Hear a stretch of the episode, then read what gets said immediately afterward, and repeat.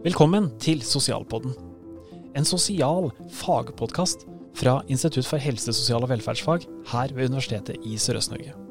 Du vil bli kjent med noen av de temaene vi underviser i her ved vernepleier- og barnevernspedagogutdanningene, og du vil også høre noe fra de spennende eksterne foredragsholderne vi bruker. Så len deg tilbake og lær noe nytt. Velkommen til denne episoden av Sosialpodden. I denne episoden så skal jeg, Steinar Wikholt, som jobber som universitetslektor ved Universitetet i Sørøst-Norge, snakke om eh, en eh, masteroppgave som jeg selv har skrevet. Formålet med denne episoden er å veilede eller gi kanskje noe inspirasjon eller tips til både bachelor- og masterstudenter som eh, står på randen til å skrive en master- eller bacheloroppgave. Det er mange likhetstrekk med både bachelor- og masteroppgave. Men, og, til felles så har de at man er eh, i slutten av et lengre utdanningsløp.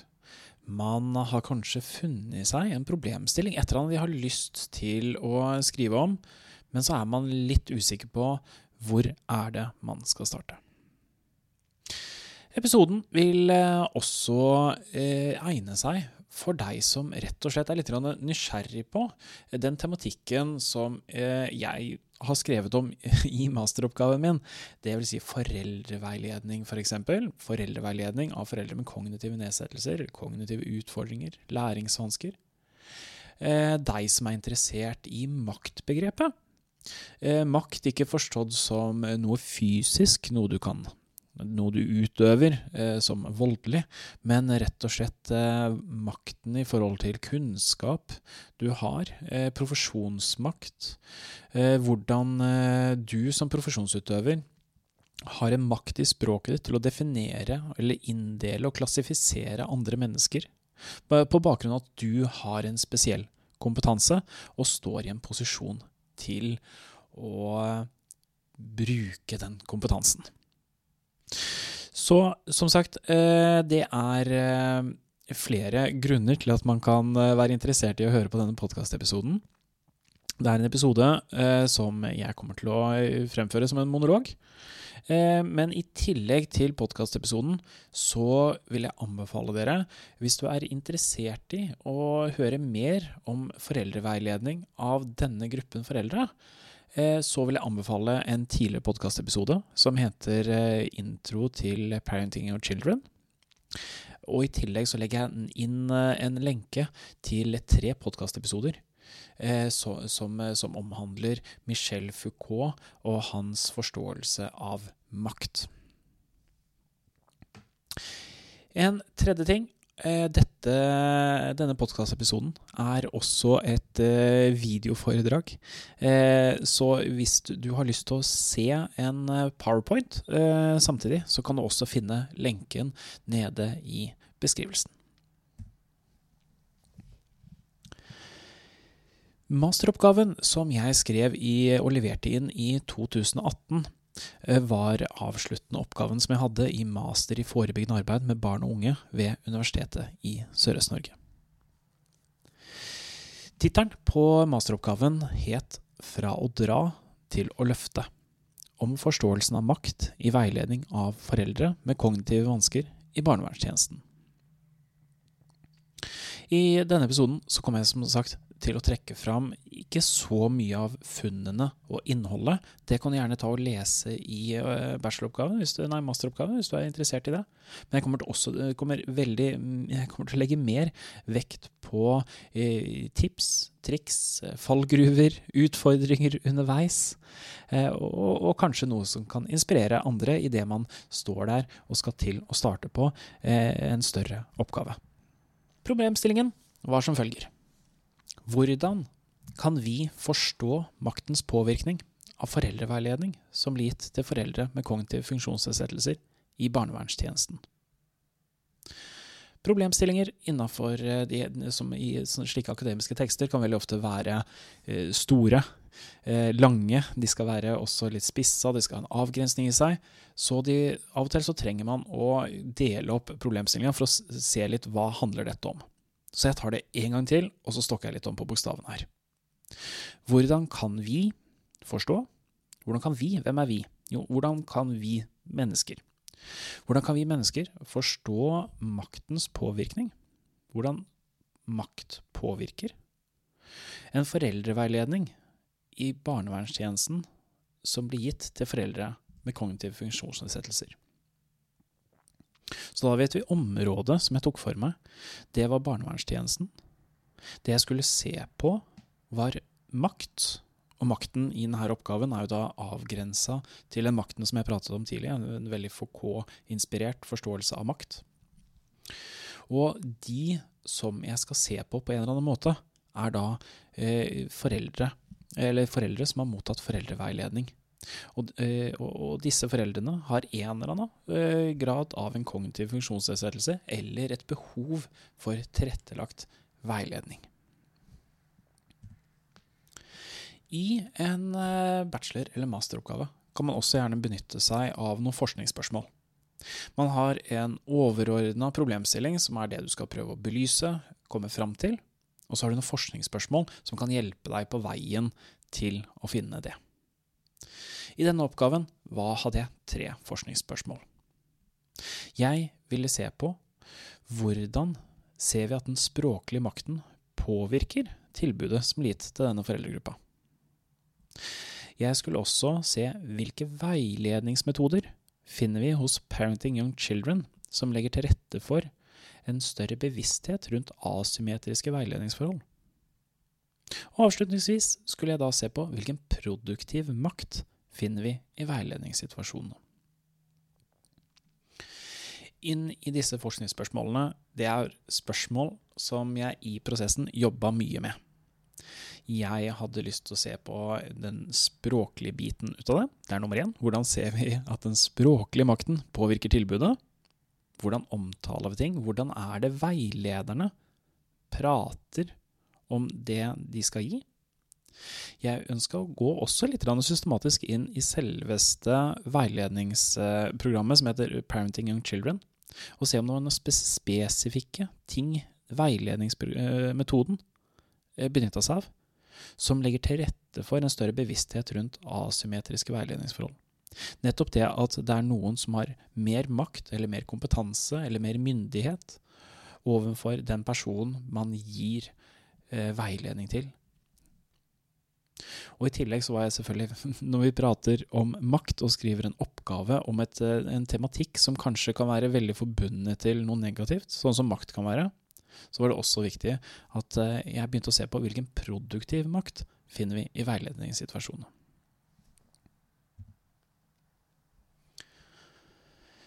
Personlig bakgrunn for oppgaven. Det å velge f.eks. i denne masteroppgaven, så var det et 30 studiepoengs emne. Det vil si at det var én oppgave jeg primært skulle jobbe med i et halvt år. Da var det veldig greit å velge en tematikk som jeg var engasjert i, som motiverte meg, som jeg hadde kanskje da vært innom tidligere. Og i mitt tilfelle så var det absolutt det. Jeg tok uh, vernepleierutdanninga mi i, i, ved universitetet, eller tidligere da Høgskolen i Telemark, når jeg starta der. Og da ble jeg veldig inspirert av to foredragsholdere som jobba der, to forskere, Elinor Young og Anne Tronsen. Begge de to holdt eh, foredrag ved, i, i undervisninga vår, der de prata om nettopp dette foreldreveiledningsprogrammet som de underviste i på, i Porsgrunn. Det endte opp med at når jeg da skulle skrive en bacheloroppgave i 2016, så gikk jeg sammen med eh, Tor Ulstrup, som gikk i, i kullet mitt, og så begynte vi å se på hvordan tilrettelegger barnevernet kommunikasjon med foreldre med intellektuelle funksjonsnedsettelser, og hvordan kan denne forbedres. Da ønska vi å ha fokus på eh, kommunikasjonen. Hvilke begreper bruker man? Hvordan ordlegger man seg? Og da lagde vi tittelen på bacheloroppgaven vår var 'Kommunisert, men forstått'. Noe som vi oppdaga var veldig sentralt i nettopp det å jobbe med mennesker som, som, har en eller annen grad av en funksjonsnedsettelse som gjør at man har behov for tilrettelagt kommunikasjon. Så da var vi ute og intervjua eh, ledere i, i, i, barnevernet. Og hørte hvordan de eventuelt tilrettela eller ikke tilrettela kommunikasjon med foreldre. Videre Eh, så, er det eh, noen eh, momenter i undervisninga eller på både bachelor og master som videre danner grunnlaget for at jeg personlig blir veldig engasjert i dette. Og jeg oppfordrer jo alle mennesker som skal gjøre noe stort sånn som dette, å finne den motivasjonen en eller annen plass. Studentene mine prøver ofte å si selv om du er på førsteåret, og du er kanskje i praksis, og du finner én problemstilling som du kjenner at dette var spennende, da hold ved den problemstillinga. Ta og se hvordan kan du forstå dette fra en annen måte. Når du leser teori i ettertid, se om du kan bruke den teorien opp imot den problemstillinga, den tingen du observerte eller opplevde ute i praksis, som engasjerer deg. Gjennom masteren min så fikk vi enda mer informasjon om dette foreldreveiledningsprogrammet, Parenting on Children, eller PYK, som vi ofte eh, forkorter det. Og I tillegg så husker jeg at det var et foredrag som omtalte eh, en gruppe mennesker i samfunnet som eh, ble, ble, kalt The Hidden Majority. The Hidden Majority omhandler en gruppe mennesker i samfunnet eh, som havner ofte mellom to stoler. Eh, mennesker som har en viss grad av en funksjonsnedsettelse, gjerne kognitivt, men ikke av en så grad at man havner utafor samfunnet. Man er i samfunnet og klarer seg relativt bra så lenge man har et godt nettverk, eh, man har støtteapparatet i nettverket, man har gode jobber som er tilpassa. Da kan man klare seg relativt bra. Dette med the hidden majority det trakk jeg plutselig da inn i eh, masteroppgaven min som et eksempel på hvordan f.eks. det å være foreldre har blitt vanskeligere etter hvert som samfunnet har utvikla seg. Det å skulle være foreldre i et moderne samfunn eh, handler ikke bare om å kunne gi god omsorg til barnet ditt. God omsorg forstått som nærhet, trygghet, sikkerhet. Men også en god omsorg i en forståelse at du må være oppdatert på alt. Barn skal være med på masse aktiviteter. De skal planlegges, det må systematiseres. Det skal være god kommunikasjon med barnehage, med skole. Eh, I det siste tiden så har vi fått apper, eh, både på, i barnehage og på skole, der man skal logge seg inn, man skal lese meldinger, man må huske å komme på riktige møter. Og alt dette, det å klare og evne alt dette, er tett blitt tett kobla opp eh, mot det å være en god foreldre. Dette er en samfunnsutvikling som har skjedd. Så mennesker som da kanskje har en utfordring med å bruke og forholde seg til alle de her nye tingene som har kommet, kan bli pekt på og, og blitt observert som at man har utfordringer når det kommer til det å være foreldre. Det jeg prøver å trekke inn her også når jeg satt og skrev, det, det her er noe som inspirerte meg og motiverte meg under masterstudiet, var den her samfunnsendringa som skjedde. Det var, det, det var, ikke det at individer hadde endra seg, det var ikke det at mennesker hadde blitt dårligere mennesker og mindre kompetente mennesker. Men vi kunne se at det var en samfunnsutvikling. Samfunnet hadde blitt mer komplekst. Samfunnet går fortere. Men plutselig er det individet som på en eller annen måte opplever seg på utsiden. Og gjerne kanskje da mennesker som er innenfor kategorien the hidden majority. Ja.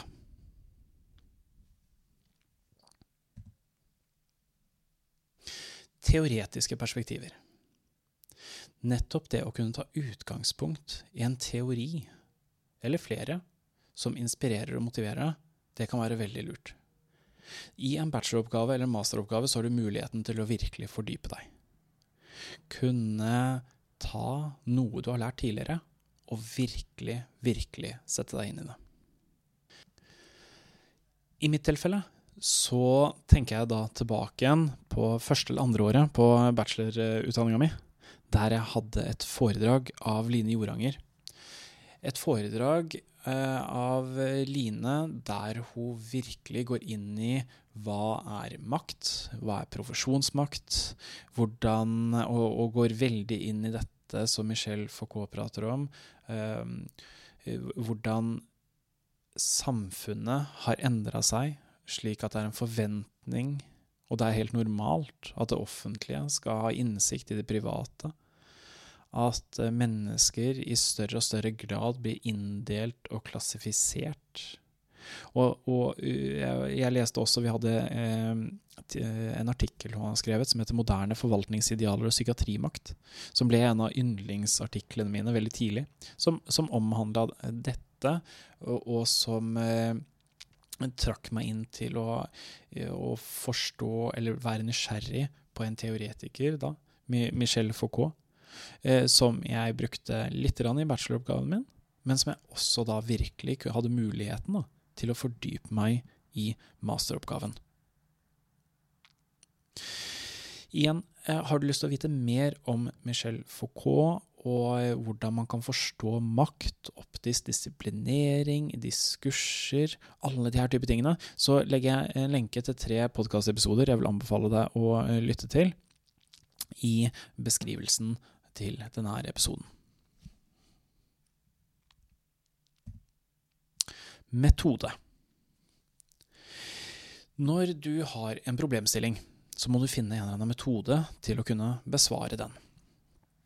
I mitt tilfelle så ønska jeg å gjøre en metodetriangulering.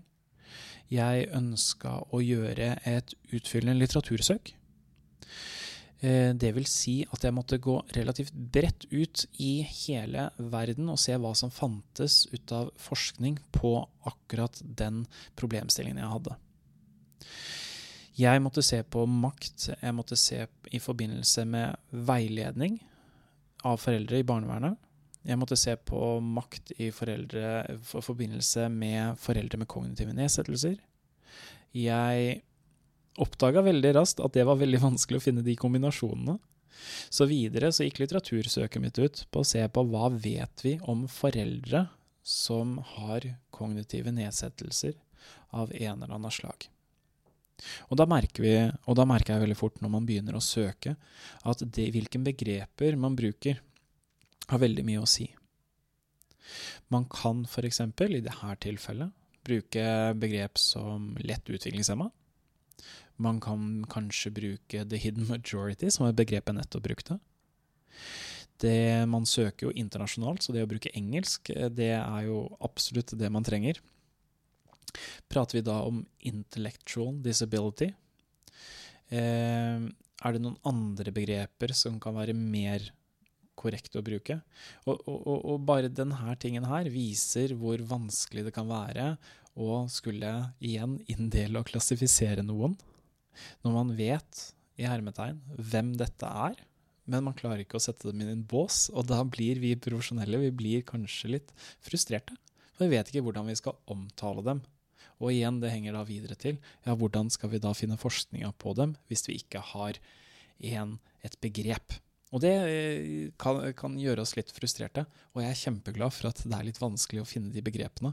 For at formålet er aldri for meg, eller nå som jeg er ferdig utdanna, å sette disse i en bås. Men jeg vet i hvert fall at det er en gruppe mennesker, foreldre, som har behov for en annen type veiledning, som er tilrettelagt dems behov. Og dems behov er litt annerledes enn alle andres. Det var en liten digresjon. Men det var i hvert fall et eksempel på hvordan litteratursøk kan være utfordrende. Det å finne uh, oppdatert forskning i hele verden uh, på akkurat det du velger å skrive om. I tillegg så ønsker jeg å gjennomføre intervjuer. Jeg ønsker å gjennomføre ustrukturerte intervjuer med foreldreveiledere. Det vil si ansatte i barnevernstjenesten som veileda eh, foreldre ut ifra dette foreldreveiledningsprogrammet, Parenting Young Children. Det var den ene bolken med intervjuere. Den andre jeg ønska, var å finne foreldre som mottok denne veiledninga, og kunne gjennomføre intervju med disse også. Det skaper mange utfordringer. Hvordan skal man finne disse? hvordan skal man definere disse? Hvordan skal man få tilgang til disse? Hvordan skal man være sikker på at man har gjort de riktige, riktige etiske overveielsene når man møter de? Hvordan skal man intervjue dem på en måte der man ikke påvirker svarene? Eh, så i mitt tilfelle så fant jeg en intervjuform som het livsformsintervju, som var beskrevet av en eh, forsker før meg, så, som gjorde at jeg kunne bruke en metode som var tilrettelagt nettopp det å bare fortelle hvordan livet ditt er, og beskrive livet ditt ut ifra da, hvilken dagligdagse hendelser du har vært igjennom. Videre så var det det å finne en måte å analy, eh, analy, analy, analysere det man hadde funnet. Etter intervjuer så sitter man igjen med massevis av tekst, massevis av data. Jeg gikk for det som er en tematisk analyse som er inspirert av grounded theory. Det er Brown og Clark som har skrevet om den, og da kan man lese videre om det. Om det. Men nettopp kodingen, eh, hvordan man skulle analysere dette, hvordan skal man finne ut hva de sier, hva handler det om i forhold til problemstillinga, det de sier, det var øh, vanskelig. Funn. Etter å ha gjort en del av dette, skal jeg kjapt nå komme opp med noen eksempler som står i masteroppgaven, som er da en del av de her funnene som jeg kom fram til for å kunne svare opp problemstillinga mi. Et av funnene som jeg fant her, var at man var i en endringsprosess gjennom bruk av disse sjekklistene. Makten, eller jeg spoler et takk tilbake. I foreldreveiledningsprogrammet så har du sjekklister som er veldig tydelige på hva man skal klare. De forteller veldig tydelig, en tydelig og åpen form, hva man skal gjøre først som foreldre. Så skal man gjøre dette, og så skal man gjøre dette. Dette er helt hverdagslige aktiviteter, som f.eks. å tappe i badevann, som å vaske klær, osv. Da bruker man sjekklister som er veldig enkle i formen, og som er eh, punktvise. Det jeg fant eller jeg tar først uttalelsen fra to foreldre som jeg intervjua, som jeg har kalt eh, Knut og Line. Under intervjuet så prater vi nettopp om disse skjemaene også. Og de prater litt fram og tilbake seg imellom om uh, dette, det, hvordan de her skjemaene uh, kan være veldig Hva skal jeg si uh, veldig detaljrike. Og at skjemaene de, de, er, de, de, er, guiden til hva man skal gjøre. Og da sier Knut Det er jo greit å ha skjemaene også, da. Da ser du hva du skal gjøre. Og da har de jo punkt og prikke på hva de, hva de skal forholde seg til, og hva en skal gjøre. Da er det ikke slik at du gjør en masse annet enn hva som står i skjemaene. Det som Knut sier her, det er at det er en åpenhet rundt hva som er forventa. Det er ikke noen misforståelser rundt hva jeg skal klare å prestere for å nå målet mitt. Og målene er veldig enkle. Målet er å sette på klesvask på en ordentlig måte, tappe i badevann på en trygg måte. Alt dette kommer gjennom skjemaene, og det reflekterer Knut om, om at her så er det veldig åpent hva vi skal gjøre. Det er ingen hemmeligheter. Jeg må ikke finne ut av det selv. Så denne makten som kommer til syne, eh, den makten som er her, den kommer til syne gjennom sjekklistene, og det er en åpen makt. Det er en åpen forklaring om hva du skal gjøre.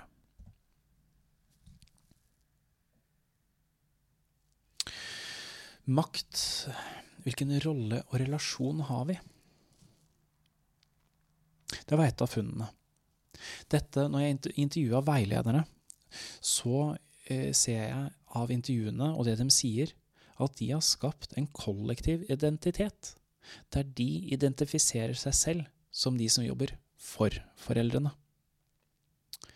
Foreldrene får vise frem sine ferdigheter og hvordan veilederne synliggjør seg selv individ, som individer. Veilederen, som er kalt Trine, prater veldig åpent om makta hun har, og sier Makt med den forstand at man har veldig troa på dem, da. og man vil dem vel, og vil at de skal jobbe, og at de skal få det til. Iblant, når man møter litt sånn tungvint, sånn negativt system, som har stempla noen, så vil man jo så gjerne motbevise det. Dette er en identitet eh, som de flere, flere, av disse veilederne eh, prater eller omtaler seg selv som. De som har troa på dem. Det er at det er ikke så veldig mange andre kanskje som har troa på dem lenger. Men de som veiledere, de er de som har troa på dem. Og de anerkjenner også at det er til tider et veldig negativt system som kanskje har stempla dem, og at dette gjør noe med dem selv som veiledere. Jo, de velger å være de som har troa på dem.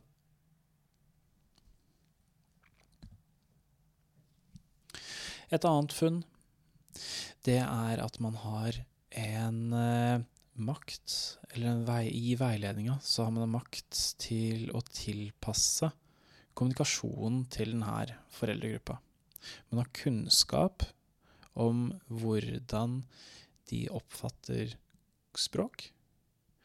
Man har kunnskap om hvilke utfordringer som kan ligge i det å ha språkvansker. Og da har man også kunnskapen til hvordan man skal tilpasse språk, dette språket. Moren, som jeg har kalt Line, hun eh, forteller veldig åpent og entusiastisk i intervjuet om eh, frustrasjonen sin rundt eh, samfunnet ellers. Nettopp når det kommer til en manglende eh, tilpassing av språk. Hun forteller, eh, og, og, vi går rett inn i en situasjon der eh, hun har fått noe informasjon fra kommunen. Jeg tror det er barnehagen eller skolen. Der hun er veldig frustrert over noen meldinger der hun ikke skjønner innholdet. Så da ringer hun til pappa og spør Du, pappa, hva betyr det her? Jeg vet ikke, kommer det fra han som regel. Og så ler hun og Knut sammen. Og så sier hun ja, men det er liksom sånn her Ja, men pappa, du er jo gammel. Vær så snill, da. Nei da. Så det ender med at jeg får ringe ned til kommunen, eller senteret her, da, og liksom forklare Jeg skjønner ikke. Dere skriver dette, men jeg skjønner ikke hva det ordet betyr. Og denne frustrasjonen over ikke skjønne det det offentlige sier til deg, det at noen forteller deg hva du skal gjøre som foreldre, at du skal eh, være påpasselig med samspill, at du skal eh, må, må, passe på å følge opp noe med barnet ditt, men så er det skrevet på en sånn måte at du faktisk ikke forstår det. Det blir brukt fremmedord, vanskelige begreper, og veldig ofte kanskje fagterminologi. Det gjør at man eh, opplever en avmakt og får en frustrasjon.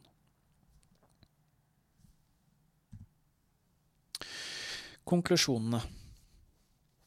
Her går vi inn på Det her er rett og slett bare en oppsummering av konklusjonen i masteroppgaven.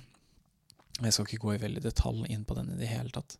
Men her går man tilbake igjen til å se på hva var problemstillinga. Hvordan kan man forstå makt? Og så bruker man forskningsspørsmålene sine til å belyse den problemstillinga.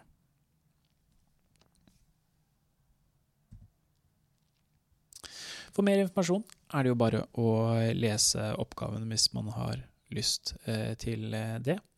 Et annet alternativ er jo å gå inn og høre også podkastepisoden som handler om Parenting of Children. Akkurat dette foreldreveiledningsprogrammet som jeg har sett mer på. Og jeg vil også anbefale at man ser på, eh, hører på de episodene som ligger ute om Michel Foucault. Så da skal jeg avslutningsvis gå litt inn på hva er det som har vært vanskelig i en sånn her oppgaveprosess, om det er en bacheloroppgave eller masteroppgave, og hvordan jeg selv kom videre i den prosessen med å jobbe med oppgaven. Det praktiske. Når man jobber med en sånn her type oppgave, så kan det hende veldig ofte at man skal innhente en del informasjon. Det kan være personopplysninger, det kan hende at du er nødt til å søke NSD om eh, tillatelse til det. Det kan hende at du må ha godkjenning av regional etisk komité, REC f.eks. Det kan hende at det er lokale retningslinjer på det studiet du har, som du også må følge. Det kan hende at du trenger å transkribere alt det som har blitt sagt. Alt dette praktiske rundt oppgaven, det er noe man erfarer veldig fort. Det kan ta veldig mye tid. Så det å lage seg en liste over praktiske hensyn man må ta, og prøve å løse opp i de tidligst mulig, kan være veldig smart. Koding. Ja. For de som eh, velger å skrive en oppgave der man eh, bruker eh, tekst som datagrunnlag, så er man ofte i en situasjon der man er nødt til å kode det. Og kode betyr at du går inn i teksten på en eller annen måte. Du ser om du finner noen kjennetegn i teksten, noe som går igjen, og du prøver å systematisere det som er der. Det kan være utfordrende å vite hvordan det skal gjøres. For veldig ofte så kan det også være litt mer kreativ prosess, der du bruker den teorien og den forståelsen du selv har, inn aktivt i kodinga. Det, fra, fra mitt eget ståsted så har jeg syntes det har vært veldig mm, utfordrende å vite hvordan det skal gjøres. Og eh, det har vært brukt mange timer på å se hvordan kan jeg gjøre dette på en eh, god nok måte til at resultatet og det som kommer fram, det er eh, valid i forhold til problemstillinga mi, og at jeg er åpen nok i prosessen til at jeg ikke bare finner det jeg leiter etter i datamaterialet. At jeg har en forforståelse eller en tanke om hvordan, hva som er svaret på problemstillinga mi, sånn at jeg ender opp med å lete bare etter det i datamaterialet.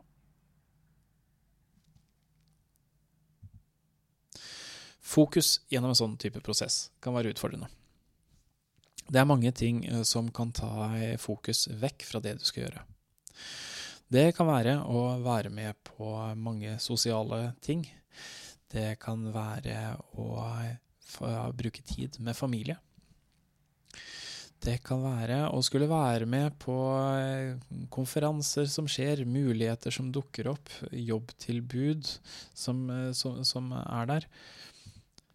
Men det kan være mange ting som du er nødt til å rydde vekk for å ikke ende opp med å bare måtte forte seg helt til slutt. Jeg vil oppsummert si at skaff, eh, skap deg de rammene og avklaringene du trenger tidlig i en sånn her type prosess. Du vet hvor lang tid du har. Det vil si at du har en mulighet til å legge, sette av tida, lage deg en plan.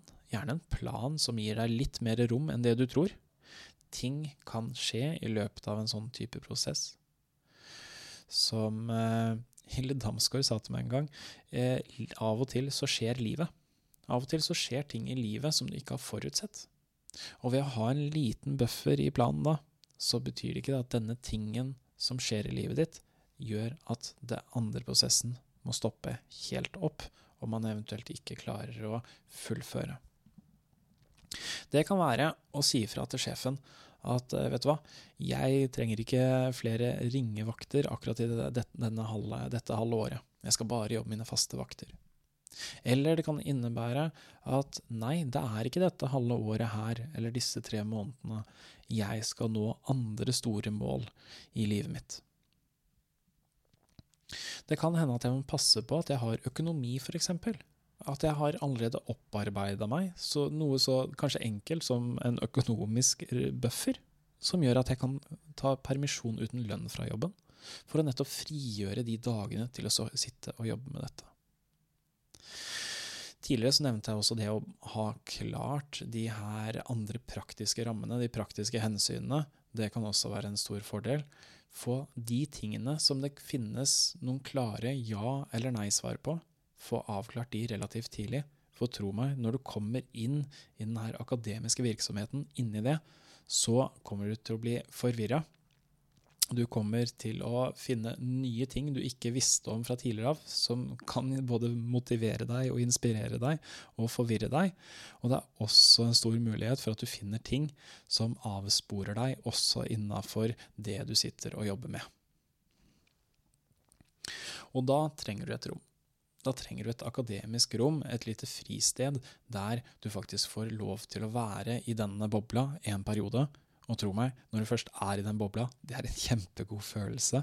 Når du kjenner at det er ikke stresset som drar deg, men nettopp den fagligheten, den nysgjerrigheten, det at du har bare lyst til å prate med flere mennesker om det du skriver om, fordi at du ønsker å forstå mer, og du har lyst til å lære mer i den prosessen du er i.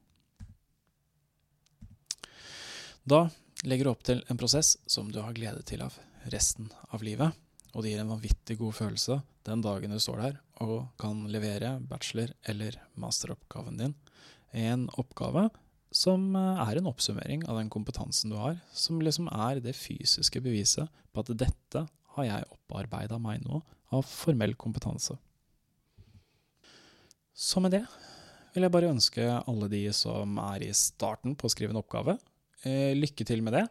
Og dere som eh, kanskje ennå ikke har starta på en oppgave, eller har lyst til å starte på en annen større, større type oppgave Uansett, er du interessert i å lære noe nytt, så er det aldri for seint å søke, søke, seg et studie.